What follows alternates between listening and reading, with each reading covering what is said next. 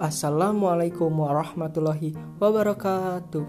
Halo teman-teman, bagaimana kabarnya? Semoga kita semua selalu ada dalam lindungan Allah Subhanahu wa taala, apalagi di masa pandemi sekarang ini.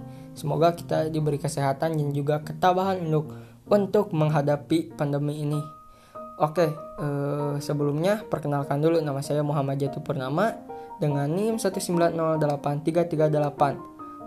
Prodi Pendidikan Kewarganegaraan, kelas Pendidikan Kewarganegaraan 2019A. Oke, dalam kesempatan kali ini saya akan membuat podcast yang berisi tentang tanggapan untuk kelompok 11 ini. Uh, di mana kelompok 11 ini menjelaskan chapter report hasil mereka yang berang, yang beranggotakan Banafsaj Syafa Solihat dan Rotu Asri Asri Rotu Asri Rezeki. Nah, uh, tanggapannya untuk masalah teknis kedua pemateri ini sudah baik ya sudah jelas. Pokoknya sudah baik. Uh, tidak ada kesalahan dalam masalah teknisnya. Dan juga uh, saya mencerna materi ini dapat mencerna dengan baik materi ini.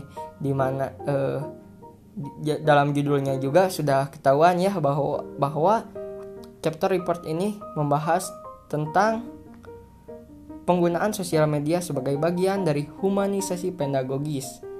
Uh, jadi dalam konteks humanisasi pedagogis bertujuan untuk pengembangan potensi-potensi peserta didik sebagai manusia seutuhnya yang dilakukan secara manusiawi sehingga peserta didik dapat berkembang baik menuju ke arah kesempurnaan. Ya. Uh, terus uh, untuk masalah teknisnya lagi ya uh, podcast yang dibuat oleh Banapsa dan Rotu Asri juga uh, sudah baik. Uh, mereka itu tidak terpaku dengan teks gitu waktu memaparkan materinya. Uh, terus di sini juga dibahas mengenai media sosial uh, yang sudah harus atau sudah mulai digunakan dalam proses pembelajaran.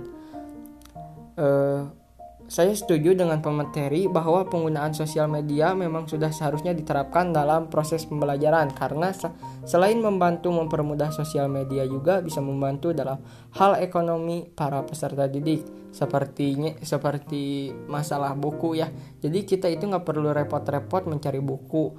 Kita tinggal download aja e-booknya. Gampang kan? Nah itu.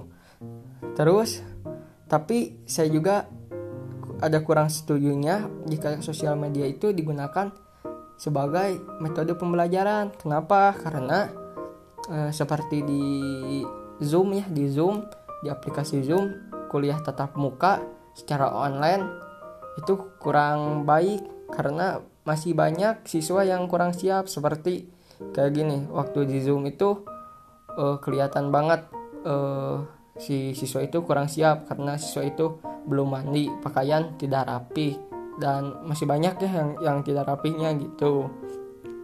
Nah jadi saya itu lebih mendukung bahwa eh, pendidikan itu atau pembelajaran itu lebih baik secara tatap muka langsung gitu.